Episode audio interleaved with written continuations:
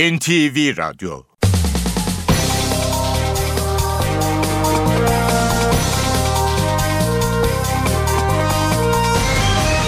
İşe Giderken Mutlu sabahlar ben Aynur Altunkaş. Bugün 18 Şubat Salı saat 9'a kadar Türkiye ve dünya gündemine yakından bakacağız. Ayrıntılara geçmeden önce haber başlıkları.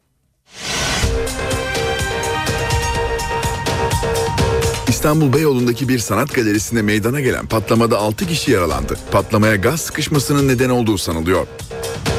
Suriye'ye komşu Hatay'daki Cilve Gözü sınır kapısı güvenlik gerekçesiyle geçişlere kapatıldı. Başbakan Erdoğan internet düzenlemesiyle özgürlükleri kısıtlamadıklarını söyledi. CHP, HSYK düzenlemesinin iptali için köşkün kararını beklemeden Anayasa Mahkemesi'ne başvuracak. İstanbul'daki gezi olaylarına katılan Mehmet Ayvalıtaş'ı ölüme götüren kazanın görüntüleri ortaya çıktı. Hükümet emekli olmak için yaş sınırını bekleyenlerin de sağlık hizmetlerinden faydalanması için yasa hazırlığında.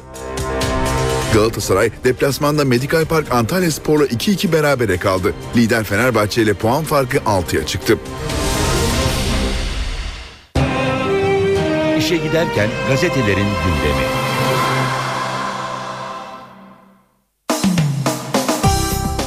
Basın özetleriyle devam edelim işe giderkene Hürriyet gazetesi mahkemeye havale manşetiyle çıkmış.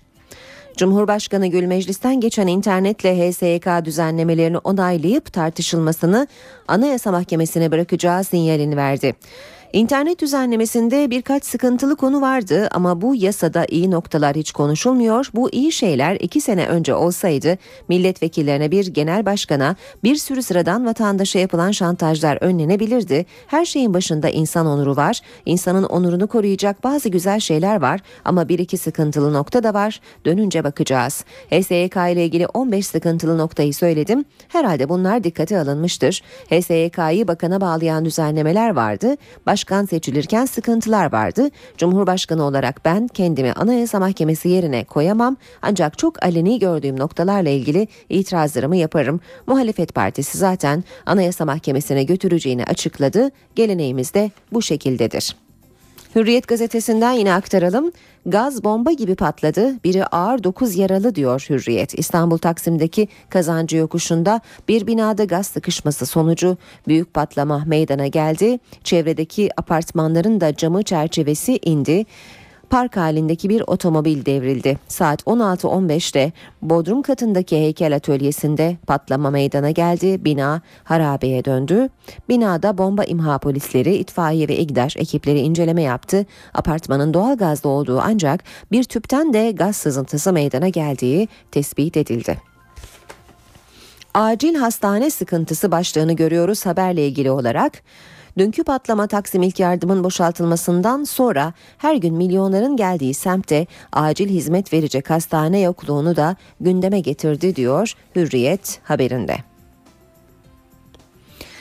İşkenceye iki yıl hapis, kedisini işkenceyle öldüren gencin videosu meclisi de harekete geçirdi. Çevre Komisyonu hayvanları koruma kanununda değişiklik tasarısını yarın gündeme alıyor. İşkence yaparak ölüme sebebiyet verenlere iki yıla kadar hapis öngörülüyor diyor Hürriyet gazetesi haberinde. Geçelim milliyete. Görevimiz bekletmek milliyetin manşeti. Askeri savcılık 2006'da sivil savcıdan gelen JITEM dosyasını işlem yapmadan 7 yıl bekletti. Sonunda görevsizlik kararı verip yine sivil savcılığa gönderdi. Devam edelim yine milliyetten bir haberle bomba değil gaz sıkışması az önce aktardığımız haber milliyette de genişçe yer buluyor. İstanbul Taksim Gazancı yokuşundaki heykel atölyesinde meydana gelen patlama sonrası sokağın havadan çekilmiş fotoğrafını da görüyoruz gazetede. Vetoya karşı aç kapa formülü başlığı Milliyet'te AK Parti 27 Şubat'ta kapanması planlanan meclis çalışmalarına son verilmesini yerel seçim mitingleri nedeniyle 21 Şubat'a çekti. Köşkten 21 Şubat'ta internet kanununa kısmi veto gelmesi halinde meclis tekrar toplantıya çağrılarak vetolu maddeler yeniden görüşülecek. Maçlar yüzünden doktora gidemedi. Karşılaşma sırasında kalp krizi geçirip ölen Milli tekvandocu Seyitan Akbalık'ın babası doktorların spora engel durum görmediğini söyledi. Erdal Akbalık ilaçla geçiyordu. Bir buçuk ay önce kalbi tekrar hızlandı. İlaçların dozunu arttırması için doktora gidecekti. Maçlar çıkınca vakti olmadı dedi. Zaferleri anlatmak için yaşayacağım. Nejat İşler'den Aziz Yıldırım'a mektup. Hastanede tedavi gören Nejat İşler geçmiş olsun mektubu gönderen Aziz Yıldırım'a teşekkür cevabı yazdı. İşler mektubunda içinde bulunduğunuz şu durumda dahi benim gibi bir çubuklu sevdası ile ilgilenmeniz, sevdalısı ile ilgilenmeniz çok mutlu etti. Merak buyurmayın kazanacağımız ve yaşayacaklarımızı küçüklerime anlatacak kadar hayatta kalacağım dedi. Geçelim sabaha perde kalktı ihbar yağdı manşeti var sabahta. Gezi olaylarından 17 Aralık komplosuna uzanan paralel senaryonun inanılmaz ayrıntıları su yüzüne çıkmaya başladı. İşte polisten İçişleri Bakanlığı'na gelen ihbarlar diyor sabah. Gezi'de kırmızılı kadına gaz sıkan kişi çevik kuvvetten değildi. Yüzü gaz maskeliydi. Teşhis edemedik, tepki gösterdik, aydınlatılmadı. Yine sabah gazetesinden aktaralım. Özgürlükleri kısmadan tehditlere eğilmeden Başbakan Erdoğan bir yandan interneti yaygınlaştırırken bir yandan da gelişmiş ülkelerde olduğu gibi bazı tedbirler alıyoruz. Özgürlükleri sınırlamadan ama tehditlere de boyun eğmeden düzenlemeler yapacağız. Çocuğu olan anne babalar eminim ki bizi anlıyorlar dedi. Aslan tökezledi fark 6'ya çıktı. Evindeki maçlarda şov yapan Galatasaray deplasman sendromuna Antalya'da da çare bulamadı. Aslan Lig'de 3. sıraya gerilerken lider Fenerbahçe ile puan farkı da 6'ya çıktı. Radikalle devam edelim. Kayıp denilen görüntüler diyor manşetinde Radikal. Yetkililerin 8 aydır bulamadığı delil diyor gazete. 2 Haziran'da E5'te iki aracın çarptığı Mehmet Ayvalıtaş'ın ölüm anının görüntüleri için polis mobese kaydı yok demişti. Kayıtlara göre kazayı iddianamede hiç olmayan bir araç başlatıyor. Ayvalıtaş ve arkadaşları yolu kesmek isterken bir araç hızla geçiyor. Savrulan gençlere önce bir taksi çarpıyor sonra da bir cip üzerlerine düşüyor. Geçelim Star gazetesine güvenmiyorsam değiştiririm diyor Star manşette. Cumhurbaşkanı Gül'den paralel devlet konusunda net mesajlar. Hiçbir devletin paralel yapılanmaya müsaade etmeyeceğini belirten Cumhurbaşkanı Gül bürokrasideki atamalar için de bir görevliye güvenmiyorsam değiştiririm dedi. Habertürk'le devam ediyoruz. Anayasa Mahkemesi değilim. Yine Cumhurbaşkanı'nın sözlerini manşette görüyoruz. Cumhurbaşkanı internet ve HSYK yasaları için yüksek mahkemeyi işaret etti diyor Habertürk haberinde. Bu da buz pateni lobisi Olimpiyattaki ilk buz dansı çiftimiz Soçi'de ilk 20'ye kalamamasını hakem lobisine bağladı. Alper Uçar, hakem lobisi var bu dünyaya girmek Avrupa Birliği'ne girmek kadar zor. Tek Müslümanız ön yargıları var derken Alisa Agafanova hakkımız yendi az puan verdiler dedi. İnsanoğlu bir asırda 2.14 metre yükseğe uçtu. Yine Soçi ile bağlantılı bir haber. Fransız atlet sırıkla atlamada 6.16 metre ile yeni rekor kırdı. İlk rekor 1912'de 4.02 metreydi. Yeni Şafak var sırada. Paralel yapıya izin verilemez. Yine e, Star gazetesiyle aynı sözleri e, aynı haberi manşette görüyoruz Yeni Şafak'ta. E, hükümet komiserliği olmaz diyor haberin üst başlığı. Hiçbir devletin paralel yapılanmaya müsaade etmeyeceğini söyleyen Cumhurbaşkanı Gül, hükümetler yanlış yapabilir, bunlarla siyasi açıdan mücadele edilebilir ama bir hükümet komiserliği gibi davranılırsa bu olmaz, kabul edilemez dedi. Zaman gazetesinin manşeti terörle mücadelenin içi boşaltıldı diyerek istifa etti. Emniyet Genel Müdürlüğü'nün kritik birimlerinden terörle mücadele daire başkanlığına yolsuzluk operasyonundan sonra atanan Ünal Acar istifa etti. İddialara göre 20 müdür ve amiri görevden alması istenen Acar herkes iyi çalışıyor hak yiyemem dedi. Uzman eleman kalmadığından yakındı. O zaman sen bırak cevabı verilince görevinden ayrıldı diyor Zaman gazetesi haberinde. Cumhurbaşkanı Gül'ün açıklamalarını zamanda da görüyoruz. Birinci sayfada tır olayı dış bağlantılı değil başlığıyla resmi ziyaret için Macaristan'da bulunan Cumhurbaşkanı Gül tır olayının dış bağlantılı olmadığını söyledi ve jandarmayla MIT'i karşı karşıya getirmem dedi. Saat 7.16 işe giderken gündemin ayrıntılarıyla sürüyor. İstanbul Beyoğlu'nda kazancı yokuşunda dün akşam meydana gelen patlamada 6 kişi yaralandı. Bir sanat atölyesindeki patlamadan sonra sokak savaş alanına döndü. Çevredeki evler ve araçlar zarar gördü. İstanbul Valisi Hüseyin Avni Mutlu patlamanın %99 tüp gaz kaynaklı olduğunu söyledi. Evleri hasar görenler geceyi otellerde geçirdi. İstanbul'un en işlek noktalarından Taksim Meydanı yakınlarındaki kazancı yokuşu saat 16 sularında patlamayla sarsıldı. Bombalı saldırı gibi sanki ne bileyim yani çok farklı bir şey oldu. Biz burada esnafız. Burada bizim bulunduğumuz bina sallandı ve e, koşarak gittiğimizde bir yaralı vardı. Patlamanın meydana geldiği bölgede yakınları bulunanlar kazancı yokuşuna koştu. İstanbul Büyükşehir Belediye Başkanı, Beyoğlu Belediye Başkanı ve Emniyet Müdürü de olay yerindeydi. Bunun e, doğal gaz kullanımı çok fazla olmayan sayaçtan okuduğumuz veya İGDAŞ'ın verdiği raporuyla e, sızıntılı bir tüp de tespit edildi ama nihai sonuç teknik rapordan sonra ortaya çıkacak. ve ciddi e, bir patlama, ciddi bir sıkışman olduğu ortaya çıkmakta ve sokakta ciddi bir tahribat yapmış. Patlamada yaralananlar tedavi altında. Bölge sakinlerinden evleri hasar görenler otellere yerleştirildi. Cumhurbaşkanı Abdullah Gül muhalefetin meto etmesini istediği internet ve HSYK düzenlemeleriyle ilgili Macaristan'da gazetecilere açıklama yaptı. Gül düzenlemeleri onaylayıp tartışılmasını Anayasa Mahkemesi'ne bırakacağı sinyalini verdi.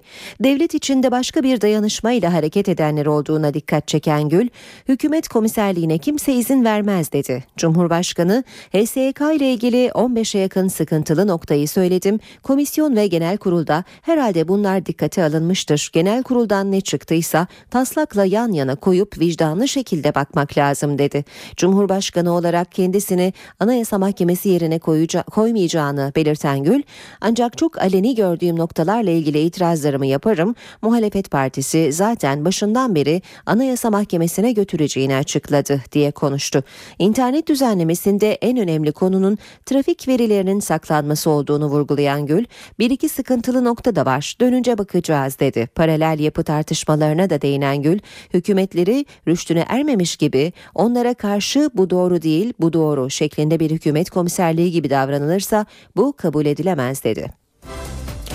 Başbakan Tayyip Erdoğan internet düzenlemesiyle özgürlükleri kısıtlamadıklarını söyledi. Ankara'da katıldığı tablet dağıtım töreninde konuşan başbakanın gündeminde paralel devlet tartışmaları da vardı. Şöyle bir göreyim bakayım. Bu 100 bin tablet bilgisayarı aldık mı? Maşallah. Maşallah. Başbakan Recep Tayyip Erdoğan, Fatih projesi kapsamında tablet bilgisayarların dağıtım töreninde konuştu. Gündeminde tartışılan internet düzenlemesi vardı. Biz çocuklarımızı, gençlerimizi art niyetli dolandırıcılardan, istismarcılardan, şantajcılardan korumaya çalışıyoruz. Özgürlükleri sınırlamadan, kısıtlamadan ama tehditlere de boyun eğmeden, tehlikeleri görmezden gelmeden düzenlemelerimizi yapacağız. Başbakan Erdoğan, üstü kapalı olarak paralel devlet tartışmalarına da değindi. Biz tek millet bilinciyle yürümeliyiz. Tek bayrakla bugüne geldik. Bundan sonra da öyle yürüyeceğiz. Tek vatan. Dördüncüsü de tek devlet. Devlet içinde devlet asla böyle bir şeyi kabul etmemiz mümkün değil. Proje kapsamında 100 bin tablet bilgisayar dağıtıldı. Mart ayı sonuna kadar bu sayının 100 bini öğretmenler olmak üzere 675 bine ulaşması planlanıyor. Yani kitap taşımayacağız artık işe yarayacak. kitapları taşımayacağız. Bayağı belimiz sıkıntılıydı yani. O açıdan çok iyi oldu. Başbakan tabletleri alan öğrencilere uyarıda bulunmayı da ihmal etmedi. Siz bilgisayarın esiri olmayın. Bilgisayar sizin esiriniz olsun. Meclisten geçen internet ve HSYK'nın yapısını değiştiren düzenlemelere muhalefetin tepkileri devam ediyor. CHP ve BDP her iki düzenlemenin de anayasaya aykırı olduğunu savunarak Cumhurbaşkanına veto çağrılarını yineledi. CHP Anayasa Mahkemesi'ne başvuru hazırlığında. Sayın Cumhurbaşkanı'nı göreve davet ediyorum. En doğal iletişim haklarımız olan bütün her şey kapatıldı. Bunun mutlaka geri döndürülmesi lazım. İki, anayasaya aykırı olan HSYK'nın Sayın Cumhurbaşkanı tarafından derhal geri iade edilmesi lazım. İster beklesin ister beklemez. Anayasa Mahkemesi'ne dilekçe gidip Anayasa Mahkemesi karar vere, verene kadar atı alan Üsküdar'ı geçecek. Muhalefetin Hakimler ve Savcılar Yüksek Kurulu ve internet düzenlemelerine tepkisi sürüyor. CHP ve BDP her iki düzenlemenin de anayasaya aykırı olduğu görüşünde birleşti. Cumhurbaşkanı Abdullah Gül'e veto çağrısı yaptı. Aksi takdirde bütün bu olup bitenlerin suç ortağı da Sayın Cumhurbaşkanı'nın kendisi olmuş olur. CHP, HSYK düzenlemesinin iptali için köşten çıkacak kararı beklemeden Anayasa Mahkemesi'ne başvurmaya hazırlanıyor. Bugün yarın veririz. Yani muhtemelen yarın e, en geç öbür gün diyelim ama kanun numarasıyla gitmek zorundayız. Kanun numarası çıktığı andan itibaren kanun kanundur zaten. E, Cumhurbaşkanının onayını beklemeden e, gidebilmemize fırsat veren, imkan veren de budur.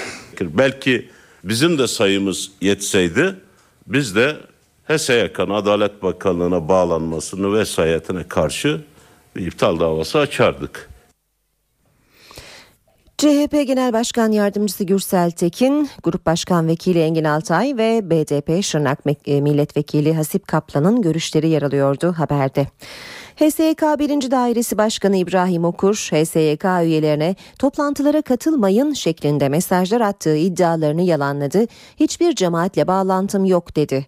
Dün bir gazetede yer alan bu iddia için Adalet Bakanı Bekir Bozdağ'dan da tepki geldi. HSYK'yı çalışamaz hale getirme amacı taşımadım.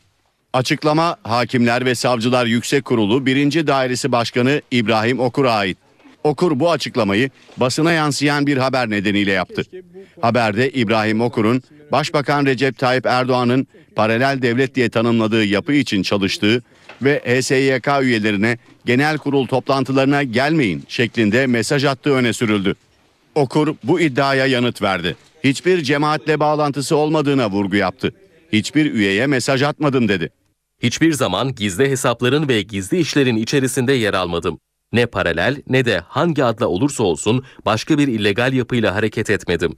Anayasanın, kanunun, hukukun ve insan haklarının evrensel ilkeleri ışığında görevimi yerine getirdim. Bu bağlamda gazetenin haberinde yer aldığı şekilde HSYK'yı çalışamaz hale getirmek gibi bir amaç taşımadım. Habere bir tepki de Adalet Bakanı Bekir Bozdağ'dan geldi. HSYK Başkanı sıfatıyla yazılı açıklama yapan Bozdağ, İbrahim Okur'a destek çıktı.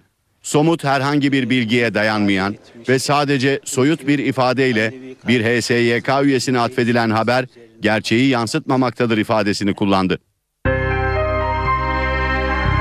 İşe giderken Suriye'ye komşu Hatay'daki Cilve Gözü sınır kapısı güvenlik gerekçesiyle tüm geçişlere kapatıldı. Karar Suriyeli muhalif grupların sınırın diğer tarafı Babel Hava'da kontrolü sağlayamadığı için alındı. Kilis'teki Öncü Pınar sınır kapısı da çatışmalar nedeniyle tek taraflı ulaşıma kapatıldı. Cilve Gözü sınır kapısı tamamen kapatıldı. Gerekçe Babel Hava sınır kapısında güvenliğin sağlanamaması. Bir haftadır araç geçişine kapalı olan Hatay'daki Cilve Gözü sınır kapısında sivillerin geçişine de artık izin verilmiyor. Kapının Suriyeli muhalif grupların sınırın diğer tarafında bulunan Babel Haba'da kontrolü sağlayamadığı gerekçesiyle kapatıldığı bildirildi.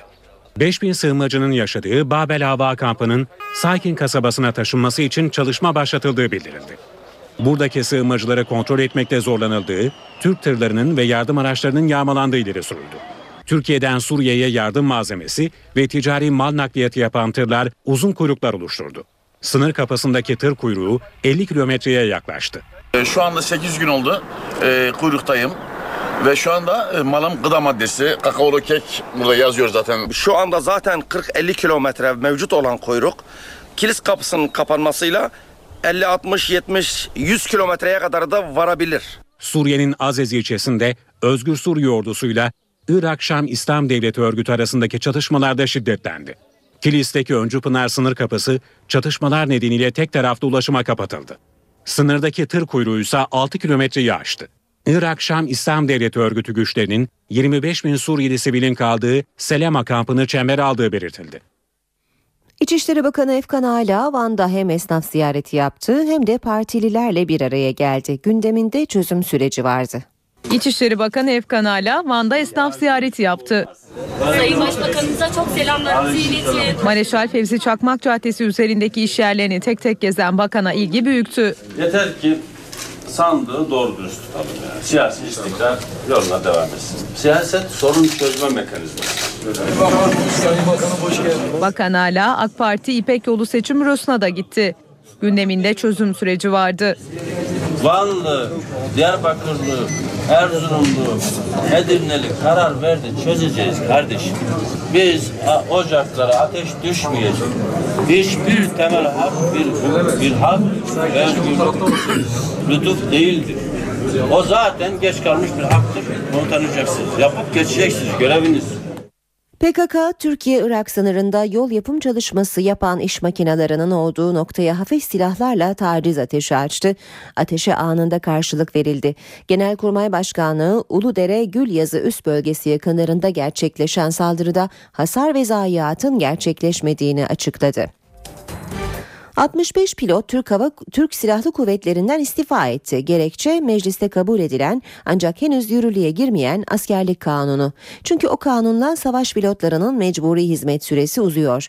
Görevde 13 yılını dolduran 65 pilotun istifa dilekçesi kabul edildi. Görevdeki 25 yılını tamamlayan 9 pilotun da emekli olmasıyla hava kuvvetlerinden ayrılan pilot sayısı 74'e yükselmiş oldu. Yasa mecburi hizmet süresini 13 yıldan 14 yıl 6 aya çıkarıyor. İstanbul'da Gezi Parkı gösterilerine katılan Mehmet Ayvalıtaş'ı ölüme götüren kazanın görüntüleri ortaya çıktı. 2 Haziran'a ait o, o anlarda hız kesmeyen bir araç ve o aracın altında kalan iki genç var. Otoyolu trafiğe kapatmak isterken hızla gelen aracın altında kaldı. Mehmet Ayvalıtaş'ın hayatını kaybettiği kazanın görüntüleri 8 ay sonra ortaya çıktı. Tarih 2 Haziran. Örnektepe mahallesinde E5 otoyoluna doğru yürüyenler arasında Mehmet Ayvalıtaş da var. Mehmet Ayvalıtaş ve arkadaşları trafiği kesmek için karşı şeride geçiyor. Ayvalıtaş ve bir başka gösterici dur işaretine rağmen hız kesmeyen araçların altında kalıyor. Metrelerce sürüklenen gençlerden Mehmet Ayvalıtaş kaldırıldığı hastanede yaşamını kaybetti. Soruşturma sürecinde polis savcılığa olay yerinde mobese kamerası yoktur bilgisini verdi. Tepkiler üzerine görüntüler bulundu ve iddianameye girdi. Ancak sonra savcılıkla mahkeme arasında kayboldu. Dava devam ederken kaza anını gösteren kayıtlar ortaya çıktı. Ayvalıtaş ailesinin avukatı şüphelilerin tutuklanmasını istedi. Şimdi bu görüntülerin 8 ay sonra neden ortaya çıktığı kısmında biz de aslında çok cevap verecek durumda değiliz. İddianame mobese görüntüleri olmadan hazırlandı. Geçen 8 ay içinde önce oğlunu sonra kalp krizinden eşini kaybeden baba Ali Ayvalıtaş adaletin geç işlediğini söyledi. 8 aydır bizi oyaladılar. Belki o anda o görüntüleri görseydik belki bugün benim karım yaşıyordu. Aile ve Sosyal Politikalar Bakanlığı Kabataş'ta bir kadına saldırıldığı iddiası ile ilgili açılacak davaya müdahil olacak. Zehra Develioğlu adlı kadın Gezi Parkı olayları sırasında İstanbul Kabataş'ta bebeğiyle saldırıya uğradığını iddia ederek savcılığa suç duyurusunda bulunmuştu. Bakanlık kadın ve çocukların her türlü şiddete karşı korunmasının görevleri arasında olduğunu açıklayarak söz konusu soruşturmaya ilişkin açılacak davaya müdahil olarak katılacağını duyurdu. İstanbul Beyoğlu'ndaki bir sanat galerisinde meydana gelen patlamada 6 kişi yaralandı. Patlamaya gaz sıkışmasının neden olduğu sanılıyor. Suriye'ye komşu Hatay'daki Cilve Gözü sınır kapısı güvenlik gerekçesiyle geçişlere kapatıldı. Başbakan Erdoğan internet düzenlemesiyle özgürlükleri kısıtlamadıklarını söyledi. CHP, HSYK düzenlemesinin iptali için köşkün kararını beklemeden Anayasa Mahkemesi'ne başvuracak. İstanbul'daki gezi olaylarına katılan Mehmet Ayvalıtaş'ı ölüme götüren kazanın görüntüleri ortaya çıktı. Hükümet emekli olmak için yaş sınırını bekleyenlerin de sağlık hizmetlerinden faydalanması için yasa hazırlığında. Galatasaray deplasmanda Medikal Park Antalya Spor'la 2-2 berabere kaldı. Lider Fenerbahçe ile puan farkı 6'ya çıktı. Gündeme yakından bakmaya devam edelim. İstanbul'daki seçim yarışı var sırada. AK Parti ve CHP adaylarının dün yoğun bir programı vardı. İstanbul Büyükşehir Belediye Başkanı Kadir Topbaş, Bakırköy ve Küçükçekmece'de esnafı ziyaret etti, vatandaşla sohbet etti, yeni projelerini anlattı, metro sözü verdi. Karanfil verdi, Bütün simitleri aldık. Tamam. simit dağıttı, vatandaşla sohbet etti. Seçim hazırlıklarını sürdüren İstanbul Büyükşehir Belediye Başkanı Kadir Topbaş haftanın ilk gününde mesaiye Bakırköy'den başladı. Hayırlı işler. Siftah yaptın mı? Bakırköy Meydanı'nda halka seslenen Kadir Topbaş, kuraklık endişesi taşıyan İstanbullulara güvence verdi.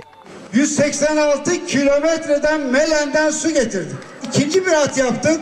Oradan bir daha yine tekrar daha fazla su almak için yapıp bitmek üzere.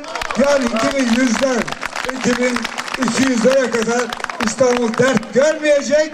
Topbaş projelerinden bahsetti ve muhalefete yüklendi. Dört tane metro hattı yeni. Beş tane varay, dört tane teleferik, yüz bin tane araç için otopark, bir tane filiküler sistemi planları verdik meclise.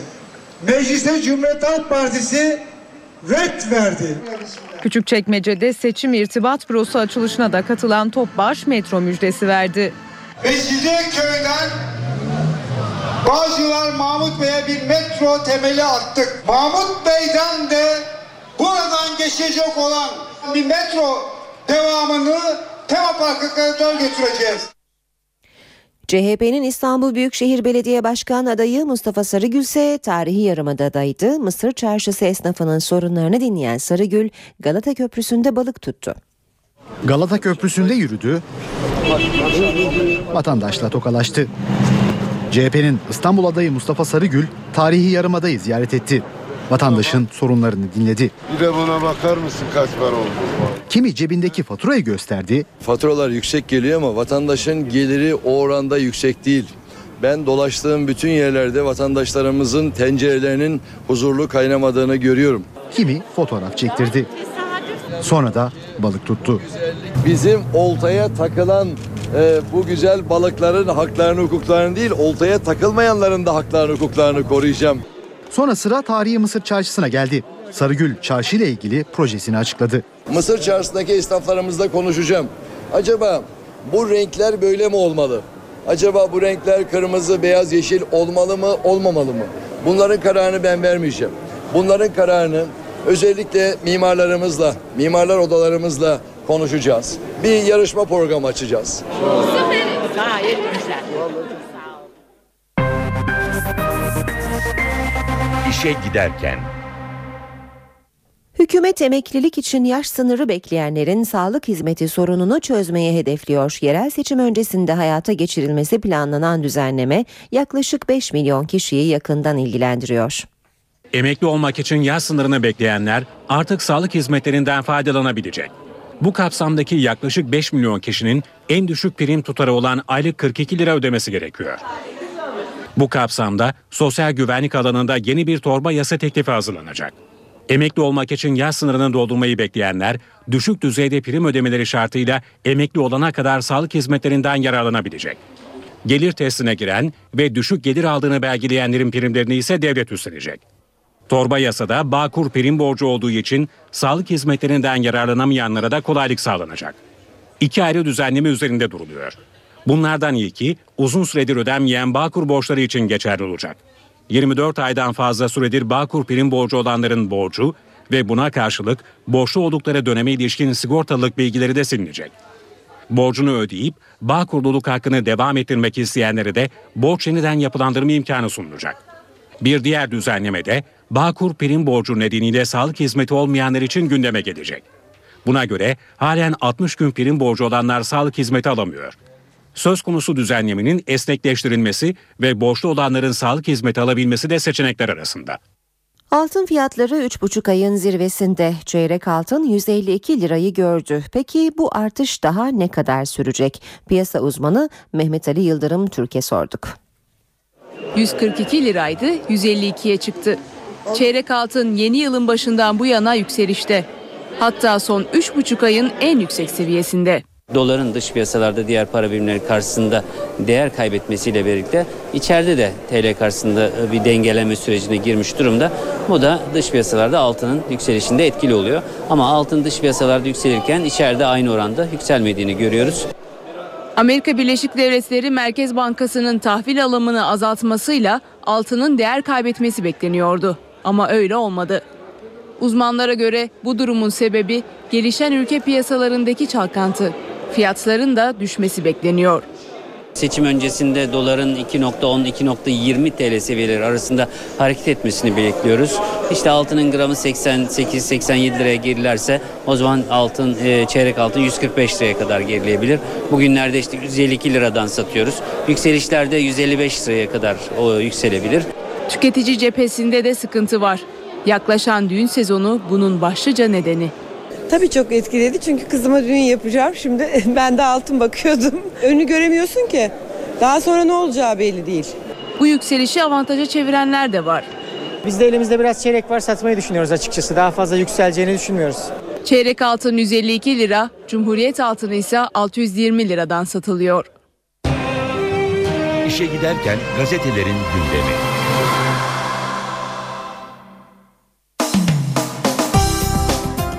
Bölümde gazetelerden spor haberleri okuyacağız. Galatasaray ile Medical Park Antalya Spor arasındaki 2-2 biten karşılaşma ve zirve yarışı yine spor manşetlerinde fanatik aslana darbe diyor. Fener'i yakalamak isterken Kartal'ın da gerisine düştü. Fenerbahçe'nin kayıplarıyla şampiyonluk hesabına tekrar başlayan Galatasaray, Antalya'da ağır yara aldı. Drogba hayalet gibi gezerken sahneye Burak çıktı. 7. dakikada perdeyi açtı. Sarı Kırmızılılar son iki maçta olduğu gibi fark beklerken kabus dolu anlar yaşadı. Tita ve Ceyhun'un kendi kalesine golüyle devre Antalya üstünlüğüyle bitti. İkinci yarıda Mancini'den Umut ve Veysel hamlesi geldi. Aslan panikle saldırdı. Umut'la maça tutundu ama yetmedi. Galatasaray liderin 6 puan gerisine düştü. İkincilikteki yerini bu haftaki rakibi Beşiktaş'a devretti. 25 milyon liralık maç başlığını da görüyoruz. Beşiktaş'ın haftayı galibiyetle Galatasaray'ın ise 2 puan kayıpla noktalaması hesapları tekrar değiştirdi. İki takım da son ana kadar şampiyonluğu kovalayacak ama diğer taraftan da ikincilik planları var. Fenerbahçe'nin Avrupa yasağı sebebiyle şampiyon olsa dahi Devler Ligi'ne gidemeyeceği düşünülürse sezonu ikinci sırada bitiren ekip direkt katılım hakkını kazanacak. Bu da en az 25 milyon liralık bir gelir demek. AMK gazetesi savaş çıktı manşetiyle çıkmış. Cimbom ve Sarı Lacivertliler birbirine girdi ortalık karıştı. Şampiyonluk yarışının stresi artınca iki ezeli rakip arasındaki gerilim had safhaya ulaştı. Galatasaray'ın önceki gece yarısı yaptığı sert açıklamaya Fenerbahçe'den aynı şiddette cevap geldi. Duran Aslan 2-2 Antalya'yı geçemeyen Galatasaray zirvenin 6 puan gerisine düştü demiş AMK'de. Foto Maç gazetesi ise e, Drogba'yı manşetine taşımış bir e, üzerinde dur yazan trafik levhasını görüyoruz. Devamında Ogba'yı birleştirerek Drogba başlığını okuyoruz haberde. Dün sahada hiç koşmayan, durarak oynayan ve tel tel dökülen Drogba hem Mancini'ye hem de Galatasaray taraftarına saç baş yoldurttu. Duran Drogba'ya ayak uyduran Aslan Antalya deplasmanında beraberliği zor kurtardı demiş Fotomaç gazetesi de. Milliyetin şimdi spor sayfalarını çevireceğiz. Milliyet'te de Drogba buz kesti başlığını görüyoruz. Ayrıca gösteri bitti başlığıyla da e, maçı e, anlatıyor. Milliyet gazetesi Galatasaray'ın iki haftalık fiyakası Antalya'da bozuldu. Zirveyle puan farkı yeniden 6 oldu deniyor haberde. 25 dakikada 5 gol olurdu. Galatasaray Teknik Direktörü Mancini ilk yarıda çok iyi oynadıklarını savundu. Golü erken bulan ve çabalayan bir takım vardı. İkinci gole de çok yaklaştık ama olmadı. Yediğimiz gollerde şanssızdık. İlk 25 dakika içinde 5 gol bulabilirdik diye konuştu. Her kafadan bir ses. Galatasaray gece yarısı yayınladığı bildiride Fenerbahçe'yi hakemleri baskı altına almak ve offside'dan attığı golle maç kazanmakla itham etti. Sarı lacivertlilerin yanıtı gecikmedi. Antalya Spor'da maç öncesi yapılan açıklama nedeniyle sarı kırmızılı kulübe sert tepki gösterdi diyor Milliyet haberinde. Bu son olabilir. Yargıtay'ın şike dosyası ile ilgili verdiği karar sonrası bir aylık itiraz süresi dün dolarken yeniden cezaevine gitmesi an meselesi olan Aziz Yıldırım'ın bu hafta yönetime son kez başkanlık etmesi ve arkadaşlarıyla vedalaşması bekleniyor. Sokağın sesini duydunuz. Teknik direktör Erson Yanal maç öncesi oyuncularıyla yaptığı toplantıda Bağdat Caddesi'ndeki yürüyüşe dikkat çekti. Şimdi sıra sizde diye konuştu.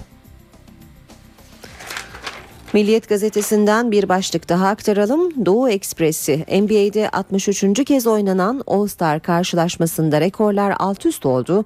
Doğu karması 18 sayı geriden geldiği maçı son bölümdeki 10-0'lık serisiyle kazandı.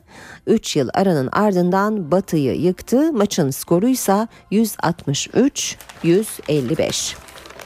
Son olarak Hürriyet gazetesinden de e, spor sayfalarına bakalım. Galatasaray e, Antalya Galatasaray maçı kayıp hazine başlığıyla yer bulmuş Hürriyet'te. Hedefim Galatasaray Başkan e, başlığını yine Hürriyet'te görüyoruz. Oyuncularının sahaya yüreğini koyduğunu belirten Hırvat Hoca Bilic, en büyük amacımız taraftarımızın beklentisi olan şampiyonluğu kucaklamak dedi diyor Hürriyet gazetesi. Bu haberde bu bölümü de böylece noktalıyoruz. NTV Radyo bir kez daha günaydın herkese. İşe giderken de birlikteyiz. Ben Aynur Altunkaş. Birazdan Gökhan Abur'la son hava tahminlerini konuşacağız. Önce gündemin başlıkları. İstanbul Beyoğlu'ndaki bir sanat galerisinde meydana gelen patlamada 6 kişi yaralandı. Patlamaya gaz sıkışmasının neden olduğu sanılıyor. Suriye'ye komşu Hatay'daki Cilve Gözü sınır kapısı güvenlik gerekçesiyle geçişlere kapatıldı. Başbakan Erdoğan internet düzenlemesiyle özgürlükleri kısıtlamadıklarını söyledi. CHP, HSYK düzenlemesinin iptali için köşkün kararını beklemeden Anayasa Mahkemesi'ne başvuracak. İstanbul'daki gezi olaylarına katılan Mehmet Ayvalıtaş'ı ölüme götüren kazanın görüntüleri ortaya çıktı. Hükümet emekli olmak için yaş sınırını bekleyenlerin de sağlık hizmetlerinden faydalanması için yasa hazırlığında. Galatasaray deplasmanda Medikal Park Antalya Spor'la 2-2 berabere kaldı. Lider Fenerbahçe ile puan farkı 6'ya çıktı. Gökhan Abur yanımızda. Günaydın Sayın Abur. Günaydın. Bugünlerde size en çok sorulan soruyla başlayalım. Ee, yağış var mı ülkemizde yakın bir zamanda? Valla hafta sonu batıda var. Bugün için ise bu akşam saatlerinde Doğu Karadeniz'de yağış var. E, Doğu Anadolu'da Kars, Ardahan, kısmen Erzurum'a kadar olan bölgede hafif yağış var. Yarın da bölgedeki yağış devam edecek. Ama Perşembe günü Doğuda yağış beklemiyoruz. Yalnız Perşembe değil hafta sonuna kadar bölgede yağış yok ama bu kez Cuma akşam saatlerinden itibaren kıyı Ege yağışlı havanın etkisi altına girecek. Evet sıcaklıklar yükseliyor. Mevsim ortalamalarının yer yer 8 ile 10 derece üzerinde kurak bir dönem yaşadığımız bu günlerde sıcaklıkları yükselten önemli faktörlerden bir tanesi güneyde rüzgarlar. Bir türlü alçak basınçlar bize doğru yaklaşamıyor. Özellikle Balkanlar oldukça sıcak ve Balkanların sıcak olması ve kurak geçmesi özellikle Marmara bölgesi başta olmak üzere kuraklığın etkisini giderek arttırıyor. Şu anda ülkemizde en kurak bölgelerden bir tanesi Marmara'nın doğusu, Batı Karadeniz, kısmen Karadeniz'in tamamı, İç Anadolu'nun kuzeyi oldukça kurak bir dönem yaşıyor ve baraj seviyeleri de bu bölgelerimizde hızlı bir şekilde azalmaya devam ediyor. Evet bugün için yağış yok dedim. Sıcaklıklar yükselecek. Bugün İstanbul'da beklediğimiz en yüksek sıcaklık 16 derece olacak. Şu anda 11 derecelik bir sıcaklık var. Öğle saatlerinde yine lodos sert esmeye devam edecek. Ankara'da ise sıcaklık merkezde 0 ile 1 derece arasında değişirken şu an itibariyle çevresinde bu sıcaklık eksi 2 eksi 3 dereceye kadar düşebiliyor. Ankara'da bugün için beklediğimiz sıcaklık ise yer yer 16-17 dereceye kadar çıkacak. İzmir'de tipik bir bahar havası var diyebilirim. Çünkü İzmir oldukça ısındı. İzmir'deki şu anda çok hafif bir pus var. Bu da bugün sıcaklığın daha da yükseleceğinin bir göstergesi ve İzmir'de bugün beklediğimiz sıcaklık 20 derecenin üzerine çıkacak. Akdeniz oldukça sıcak ve Antalya'da bugün sıcaklık 21 dereceye geçerken yarın sıcaklıkların Akdeniz'de, Ege'de, Marmara'da biraz daha yükselmesini bekliyoruz. İç kesimlerde de gündüz sıcaklıkları yükselirken gecelerin daha serin geçmesi sis ve pusun etkisini arttırıyor. Evet biraz evvel de söylediğim gibi yalnız ve yalnız doğuda bugün ve yarın o da Doğu Karadeniz ve Doğu Anadolu'nun kuzeyinde hafif yağış geçişi var. Batıda yağışlar cuma akşamı gelecek gibi gözüküyor. E, bu yağışlar özellikle pazar ve pazartesi günü Marmara, Ege iç kesimleri etkisi altına alırsa şayet almasını bekliyoruz. Hı hı. Bu sistemler en azından biraz hem çiftçiye hem de barajlara biraz da olsa fayda getirecek gibi gözüküyor şu an itibariyle. Peki Gökhan Abur teşekkürler. Gündemin öne çıkan haberlerine bakmaya devam edelim. Cumhurbaşkanı Abdullah Gül, muhalefetin veto etmesini istediği internet ve HSYK düzenlemeleriyle ilgili Macaristan'da gazetecilerin sorularını yanıtladı. Gül, düzenlemeleri onaylayıp tartışılmasını Anayasa Mahkemesi'ne bırakacağı sinyalini verdi. Devlet içinde başka bir dayanışmayla hareket edenler olduğuna dikkat çeken Gül, hükümet komiserliğine kimse izin vermez dedi. Cumhurbaşkanı Gül, HSYK ile ilgili 15'e yakın sıkıntılı noktayı söyledim. Komisyon ve genel kurulda herhalde bunlar dikkate alınmıştır. Genel kuruldan ne çıktıysa taslakla yan yana koyup vicdanlı şekilde bakmak lazım dedi. Cumhurbaşkanı olarak kendisini Anayasa Mahkemesi yerine koyamayacağını belirten Gül, ancak çok aleni gördüğüm noktalarla ilgili itirazlarımı yaparım. Muhalefet Partisi zaten başından beri Anayasa Mahkemesi'ne götüreceğini açıkladı şeklinde konuşan Gül, internet düzenlemesinde en önemli konunun trafik verilerinin saklanması olduğunu vurguladı. Bir iki nok- e, sıkıntılı nokta da var. Dönünce bakacağız dedi. Paralel yapı tartışmalarına da değinen Gül, hükümetleri rüştüne ermemiş gibi onlara karşı bu doğru değil bu doğru şeklinde bir hükümet komiserliği gibi davranılırsa bu kabul edilemez dedi. Başbakan Erdoğan internet düzenlemesiyle özgürlükleri kısıtlamadıklarını söyledi. Ankara'da katıldığı tablet dağıtım töreninde konuşan başbakanın gündeminde paralel devlet tartışmaları da vardı. Şöyle bir göreyim bakayım. Bu 100 bin tablet bilgisayarı aldık mı? Maşallah. Maşallah. Başbakan Recep Tayyip Erdoğan, Fatih projesi kapsamında tablet bilgisayarların dağıtım töreninde konuştu. Gündeminde tartışılan internet düzenlemesi vardı. Biz çocuklarımızı, gençlerimizi art niyetli dolandırıcılardan, istismarcılardan, şantajcılardan korumaya çalışıyoruz. Özgürlükleri sınırlamadan, kısıtlamadan ama tehditlere de boyun eğmeden, tehlikeleri görmezden gelmeden düzenlemelerimizi yapacağız. Başbakan Erdoğan, üstü kapalı olarak paralel devlet tartışmalarına da değindi. Biz tek millet bilinciyle yürümeliyiz. Tek bayrakla bugüne geldik. Bundan sonra da öyle yürüyeceğiz. Tek vatan. Dördüncüsü de tek devlet.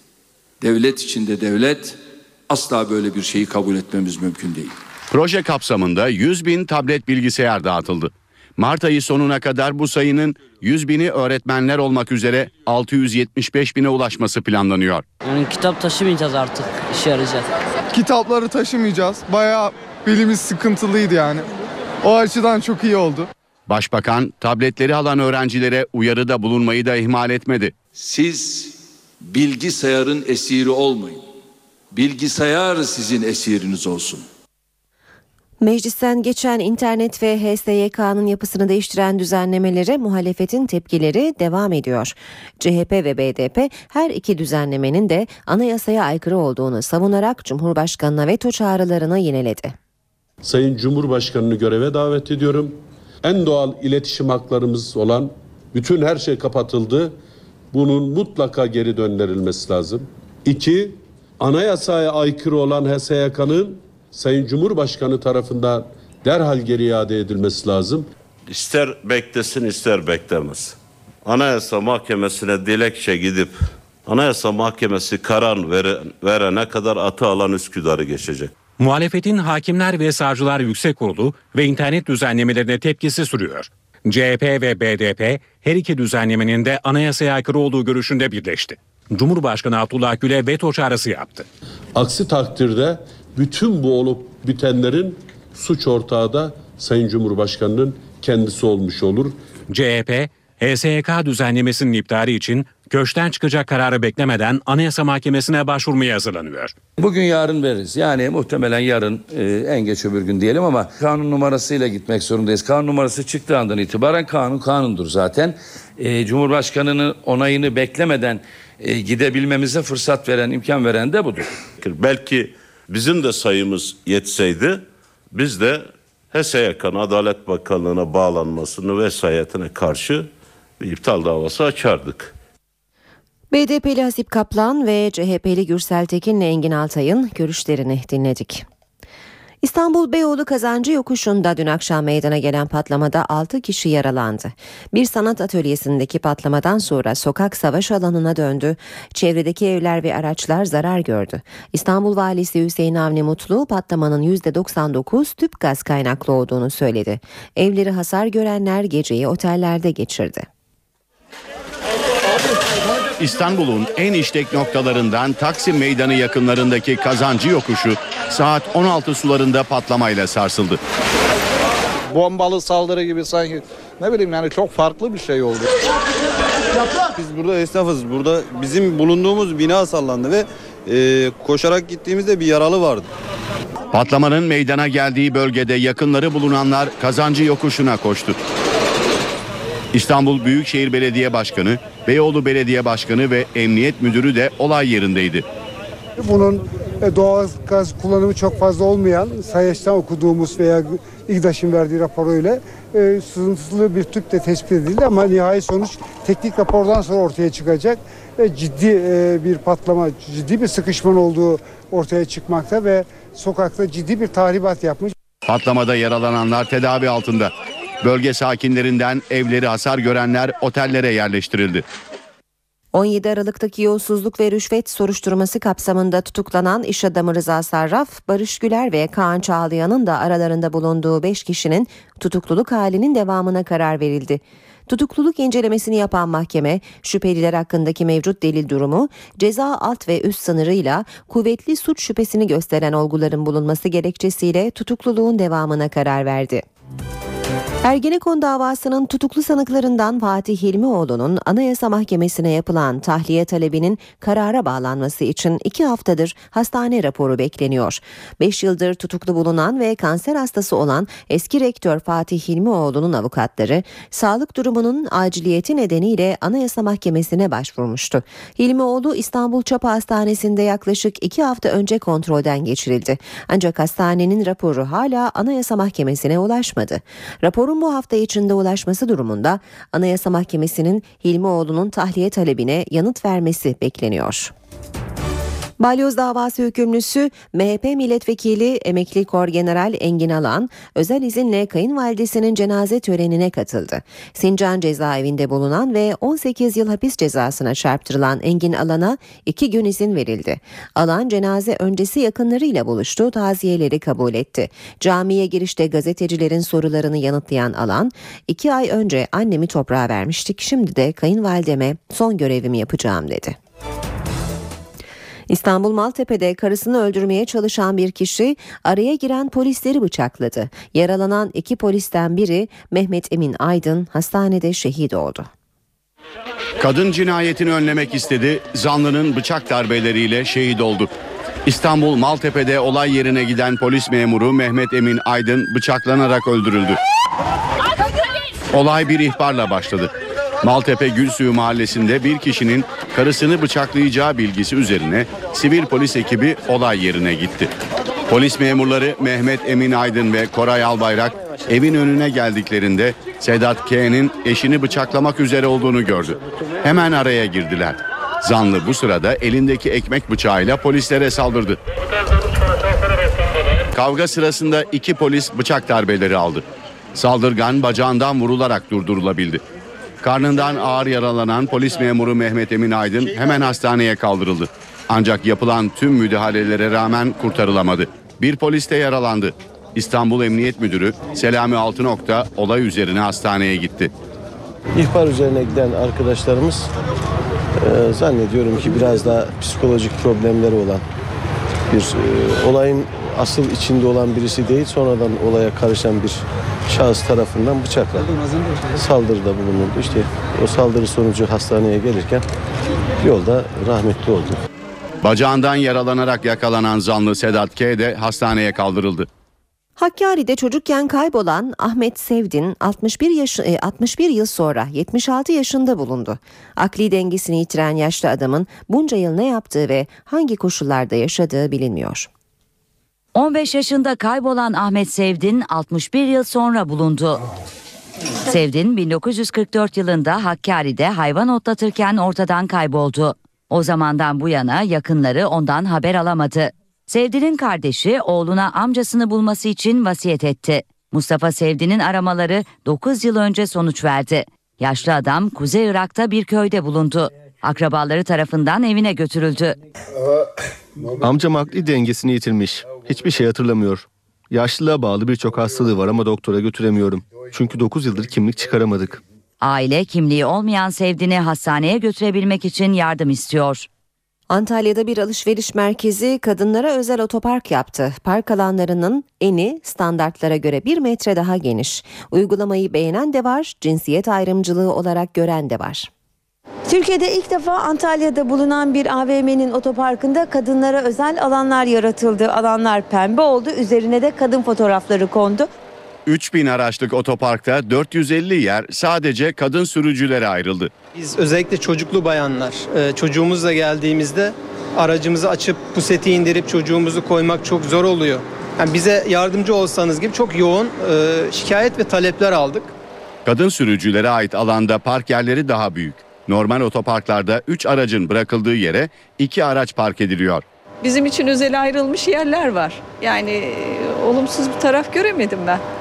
Sadece kadın sürücüler değil, erkekler de uygulamadan memnun. Bence çok güzel olmuş. Ee, toplumda biliyorsunuz kadınların biraz önceliği vardır pozitif ayrımcılık anlamında. Burada da böyle bir uygulama olmasını ben e, beğeniyorum. Kadın dernekleri özel yer ayrılmasına yönelik karara temkinli yaklaşıyor. Ki eğer kadını aşağılaştırıcı bir şeyse e, ona tabii ki karşıyız. Kadınlara kolaylık sağlıyorsa böyle bir ayrımcılık güzel bir şey diye düşünüyorum.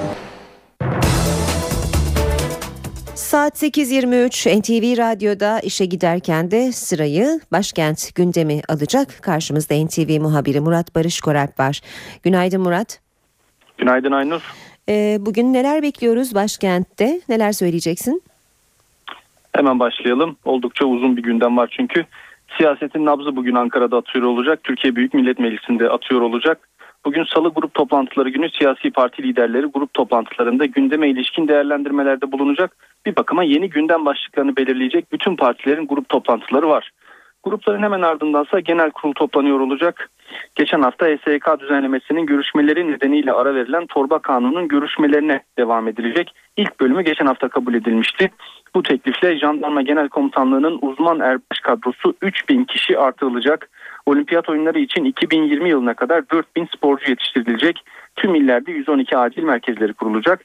Teklifle ayrıca deprem gözlemi yapan kurum ve kuruluşlar elde ettikleri verileri AFAD'a aktarmak durumunda olacak. Meydana gelen depremlerle ilgili bilgileri resmi olarak sadece AFAD duyuracak.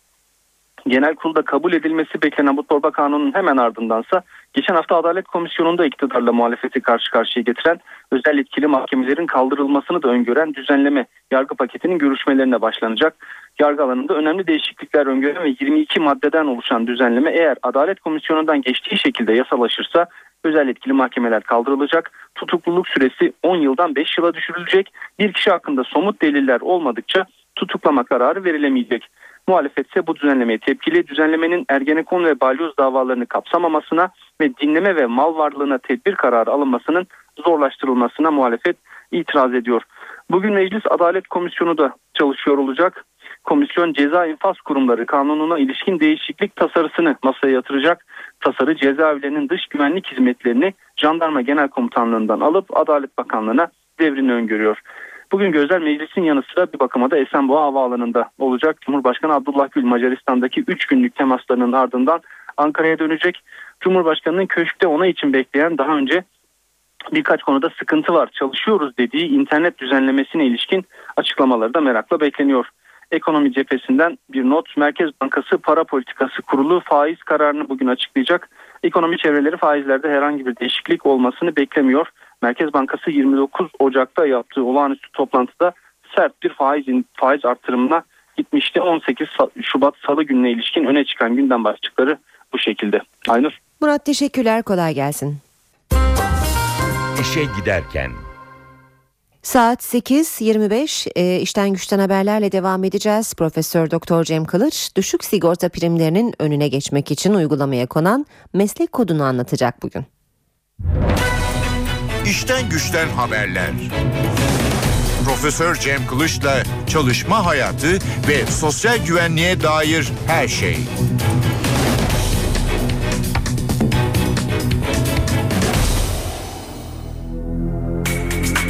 Merhaba sevgili NTV Radyo dinleyenleri. Sosyal Güvenlik Kurumu'na düşük ücret üzerinden bildirim yapılması hem sigortalı açısından hem de Sosyal Güvenlik Kurumu açısından olumsuz sonuçlar doğuruyor. SGK'ya ücreti düşük bildirilen sigortalıya emekli olduğu zaman çok daha düşük bir emeklilik aylığı bağlanıyor. SGK ise gerçekte sigortalıya ödenen ücret üzerinden değil de asgari ücret üzerinden prim topladığı için sigorta prim gelirlerini arttıramıyor. SGK'ya en düşük asgari ücret üzerinden bildirim yapılabiliyor. Dolayısıyla işverenlerin pek çok sigortalıyı daha fazla ücret almalarına rağmen asgari ücret üzerinden SGK'ya bildirdikleri biliniyor. SGK kayıt içinde kayıt dışılığı engellemek adına 2012 yılının Kasım ayından itibaren aylık prim ve hizmet belgelerine meslek kodu bölümüne ekledi. Bu tarihten itibaren SGK'ya sigortalı ile ilgili prim ve hizmet bilgisi gönderen işveren sigortalıya ilişkin bir meslek kodu seçmek durumunda. Sigortalıya ait aylık prim ve hizmet belgesinde meslek kodu bölümünün doldurulmamış olması halinde 2014 yılının ilk 6 ay için 214 lira idari para cezası uygulanıyor. Bu şekilde uygulanan idari para cezası meslek kodu girilmeyen her bir sigortalı için uygulanmakla beraber her bir aylık prim ve hizmet belgesi başına en fazla 2142 lira olarak uygulanabiliyor. Aylık prim ve hizmet belgesine meslek kodu ile girilmesiyle birlikte SGK meslek ve ücret arasındaki ilişkiyi de görmeye başladı. Bu şekilde doktorların, mühendislerin, profesyonel sporcuların ücretleri SGK tarafından takip edilebilir hale geldi. Dolayısıyla asgari ücret üzerinden maaş almadıkları aşikar olan mesleklerin asgari ücret üzerinden SGK'ya bildirilmesi durumu tespit edilebilir oldu. SGK'ya bildirilen meslek kodları için ortalama ücret seviyesi SGK'nın yapmış olduğu piyasa araştırmaları ile belirlenmiş durumda. Aksi bildirimde bulunan iş yerlerine denetim yapılarak gerçek ücret üzerinden bildirim yapılması yönünde denetim ve cezai işlemler yürütülüyor. Diğer yandan meslek kodu ile aynı iş yerinde çalışan sekreter ile insan kaynakları müdürünün de aynı ücretten bildirilmesinin önüne geçilebiliyor. 2012 yılının Kasım ayı başından itibaren uygulanan bu uygulamayla SGK'ya asgari ücretten bildirilen sigortalı sayısında önemli ölçüde azalmalar meydana geldi. Yani aslında asgari ücret almayan ancak asgari ücretten SGK'ya bildirilen kişiler gerçek ücretleri üzerinden bildirilmeye başlandı. 2011 yılı Aralık ayında SGK'ya bildirilen sigortaların %45,7'si asgari ücretten bildirilmekteyken bu oran 2013 yılı sonlarına doğru %36'lara geriledi. Bu sayede hem SGK prim gelirlerini arttırdı hem de gerçek ücretler üzerinden SGK'ya bildirilen sigortalıların ileride ellerine geçecek emeklilik aylıkları potansiyel olarak yükselmiş oldu. Ayrıca sigortalılardan rapor alanlara ödenen rapor parası, iş kazasına uğramaları ve kadın sigortalılardan doğum yapanlara ödenek olarak geçici iş göremezlik ödenekleriyle işsiz kalmaları halinde ödenecek olan işsizlik ödeneği de gerçek ücretleri üzerinden hesaplandığı için artış gösterdi. Profesör Doktor Cem Kılıç'a sormak istediklerinizi ntvradio@ntv.com.tr adresine gönderebilirsiniz. İşten güçten haberler. Profesör Cem Kılıç'la çalışma hayatı ve sosyal güvenliğe dair her şey.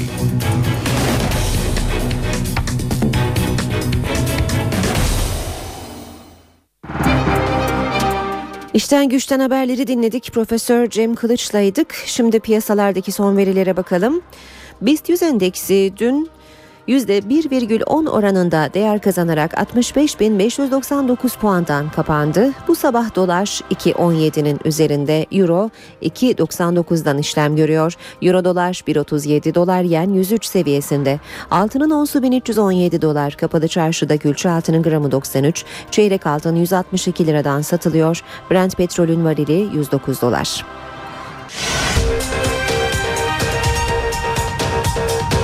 İstanbul Beyoğlu'ndaki bir sanat galerisinde meydana gelen patlamada 6 kişi yaralandı. Patlamaya gaz sıkışmasının neden olduğu sanılıyor.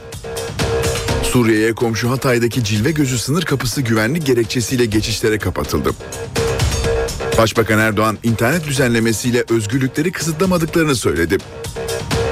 CHP, HSYK düzenlemesinin iptali için köşkün kararını beklemeden Anayasa Mahkemesi'ne başvuracak. İstanbul'daki gezi olaylarına katılan Mehmet Ayvalıtaş'ı ölüme götüren kazanın görüntüleri ortaya çıktı. Hükümet emekli olmak için yaş sınırını bekleyenlerin de sağlık hizmetlerinden faydalanması için yasa hazırlığında. Galatasaray deplasmanda Medical Park Antalya Spor'la 2-2 berabere kaldı. Lider Fenerbahçe ile puan farkı 6'ya çıktı. İşe giderken de sırayı dünya gündeminden haberler alıyor. İtalya siyasetinde yeni bir dönem başlıyor. Floransa Belediye Başkanı ve Merkez Sol Demokrat Parti'nin genel sekreteri olan 39 yaşındaki Matteo Renzi ülkenin en genç başbakanı olma yolunda. İtalya Cumhurbaşkanı Giorgio Napolitano hükümeti kurma görevini 39 yaşındaki Matteo Renzi'ye verdi. Saraylara ve aristokrasiye alışkın İtalyan siyaseti ilk defa kravat takmayan, makam arabası yerine bisikleti tercih eden ve kendisine sen diye hitap edilmesini isteyen bir başbakanla karşı karşıya. 1975 doğumlu Matteo Renzi kabineyi kurmayı başarırsa İtalya'nın en genç başbakanı olarak tarihe geçecek. Floransa Üniversitesi hukuk bölümünden mezun olan Renzi genç yaşta Toskana bölgesinde yerel siyasete atıldı. 19 yaşındayken katıldığı bir yarışma programında büyük ikramiyeyi kazanan Renzi spor giyim tarzı nedeniyle İtalyan basını tarafından 80'lerin ünlü dizi karakteri Fonzi'ye benzetildi. 34 yaşında Floransa Belediye Başkanı seçilen Renzi, ulusal siyasete atılacağı sinyalini geçen yıl eski kuşak politikacıları ülke siyasetinden kazımak gerektiğini söyleyerek verdi. Bazı çevreler Renzi'yi 1990'ların ortasında İngiliz İşçi Partisi'nde hızla yükselen ve sağ seçmenlere de erişerek başbakanlığa uzanan eski İngiltere lideri Tony Blair'la kıyaslıyor. Eşi lisede öğretmenlik yapan üç çocuk babası Renzi gençliğine avantajı olarak öne çıkarsa da ulusal siyasette tecrübesiz olduğu muhaliflerince sık dile getirilen kaygılar arasında.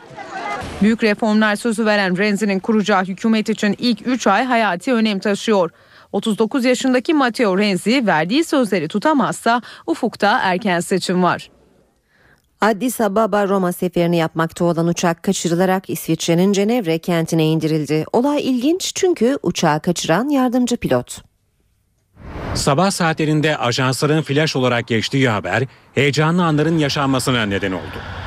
Etiyopya Hava Yolları'na ait Boeing 767 tipi yolcu uçağı Addis Ababa'dan Roma'ya uçarken kaçırılmış, İsviçre'nin Cenevre kentine indirilmişti. Alarma geçildi.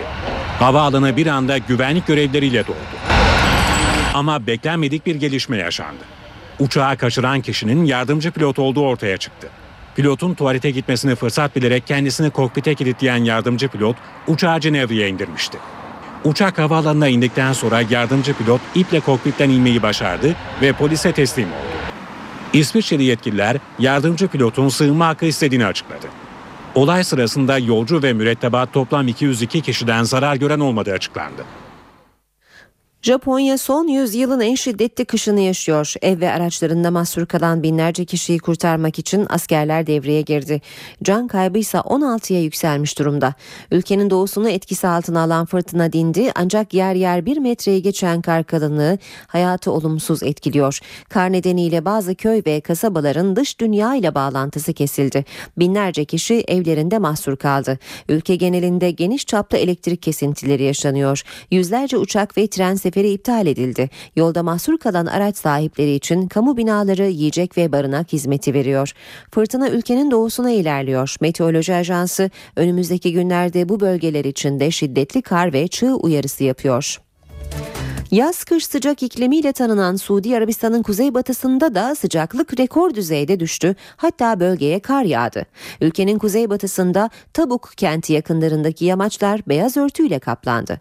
Suudiler nadir olarak tanıklık ettikleri kar manzarasını kaçırmamak için yollara döküldü. Karı görmek için 250 kilometre yol kat edenler bile oldu. Alınan önlemlere rağmen kazaların önüne geçilemedi. Bir cipin karıştığı kazada iki kişi hayatını kaybetti. Yalnızlık insan ömrünü kısaltıyor. Amerika Birleşik Devletleri'ndeki araştırmaya göre 50 yaş üstü grupta kronik yalnızlık obeziteden bile daha zararlı. İddiaya göre yalnızlık insan yaşamını %14 kısaltıyor. Yalnızlık obeziteden bile daha zararlı. Amerika Birleşik Devletleri'ndeki Chicago Üniversitesi'nin yürüttüğü çalışma özellikle ilerleyen yaşlarda yalnız olmanın obezite gibi ömrü kısalttığını ortaya koydu. Araştırma kapsamında 50 yaşın üstünde 2000 kişi 6 yıl boyunca izlendi. Sonuçlar kronik yalnızlığın sabahları stres hormonu kortisolun salgılanmasına neden olduğunu gösterdi. Bu durumun kalp kriziyle yüksek tansiyon riskini artırdığı ve bağışıklık sistemini zayıflattığı saptandı. Araştırmaya göre kronik yalnızlık uyku kalitesini de etkiliyor. 50 yaş üstü yalnız insanların derin uykuya dalmakta güçlük çektiği ve uyku sırasında sıklıkla uyandığı görüldü. Tüm bu tespitlerin sonucu olarak yalnızlığın insan ömrünü tıpkı obezite ve yoksulluk gibi %14 oranında kısaltabildiği sonucuna varıldı. İşe giderken gazetelerin gündemi.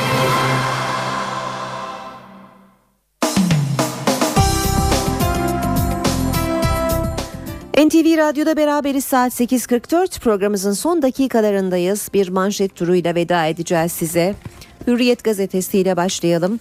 Cumhurbaşkanı Gül'ün Macaristan'da yaptığı açıklamaları birçok gazetede manşette görüyoruz. Hürriyet de mahkemeye havale başlığıyla manşetten görmüş. Cumhurbaşkanı Gül meclisten geçen internetle HSYK düzenlemelerini onaylayıp tartışılmasını Anayasa Mahkemesi'ne bırakacağı sinyalini verdi.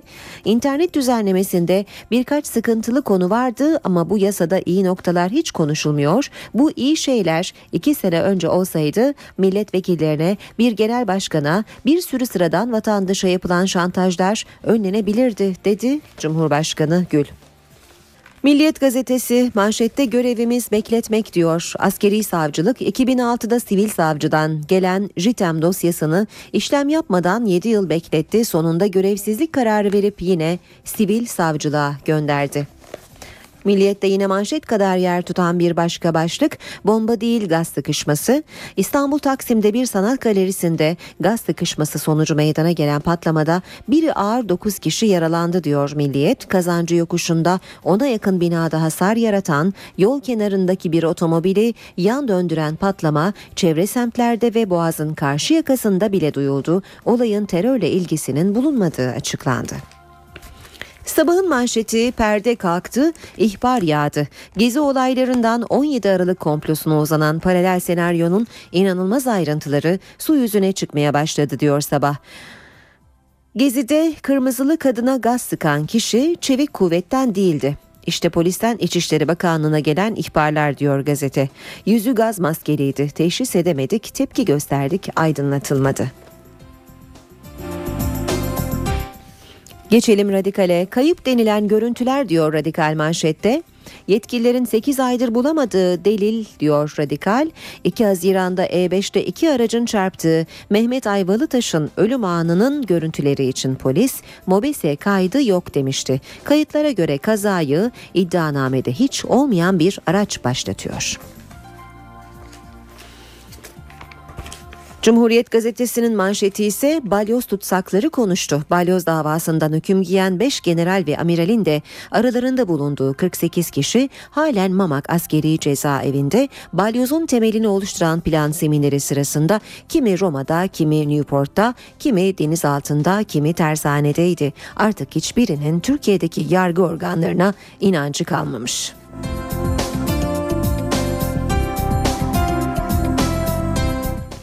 Ve son olarak zamana da bakalım. Terörle mücadelenin içi boşaltıldı diyerek istifa etti diyor zaman manşette ve terörle mücadele daire başkanlığına yolsuzluk operasyonundan sonra atanan Ünal Acar'ın istifasını haber yapıyor. Bu haberle işe giderken sona erdi. Hoşçakalın. NTV Radyo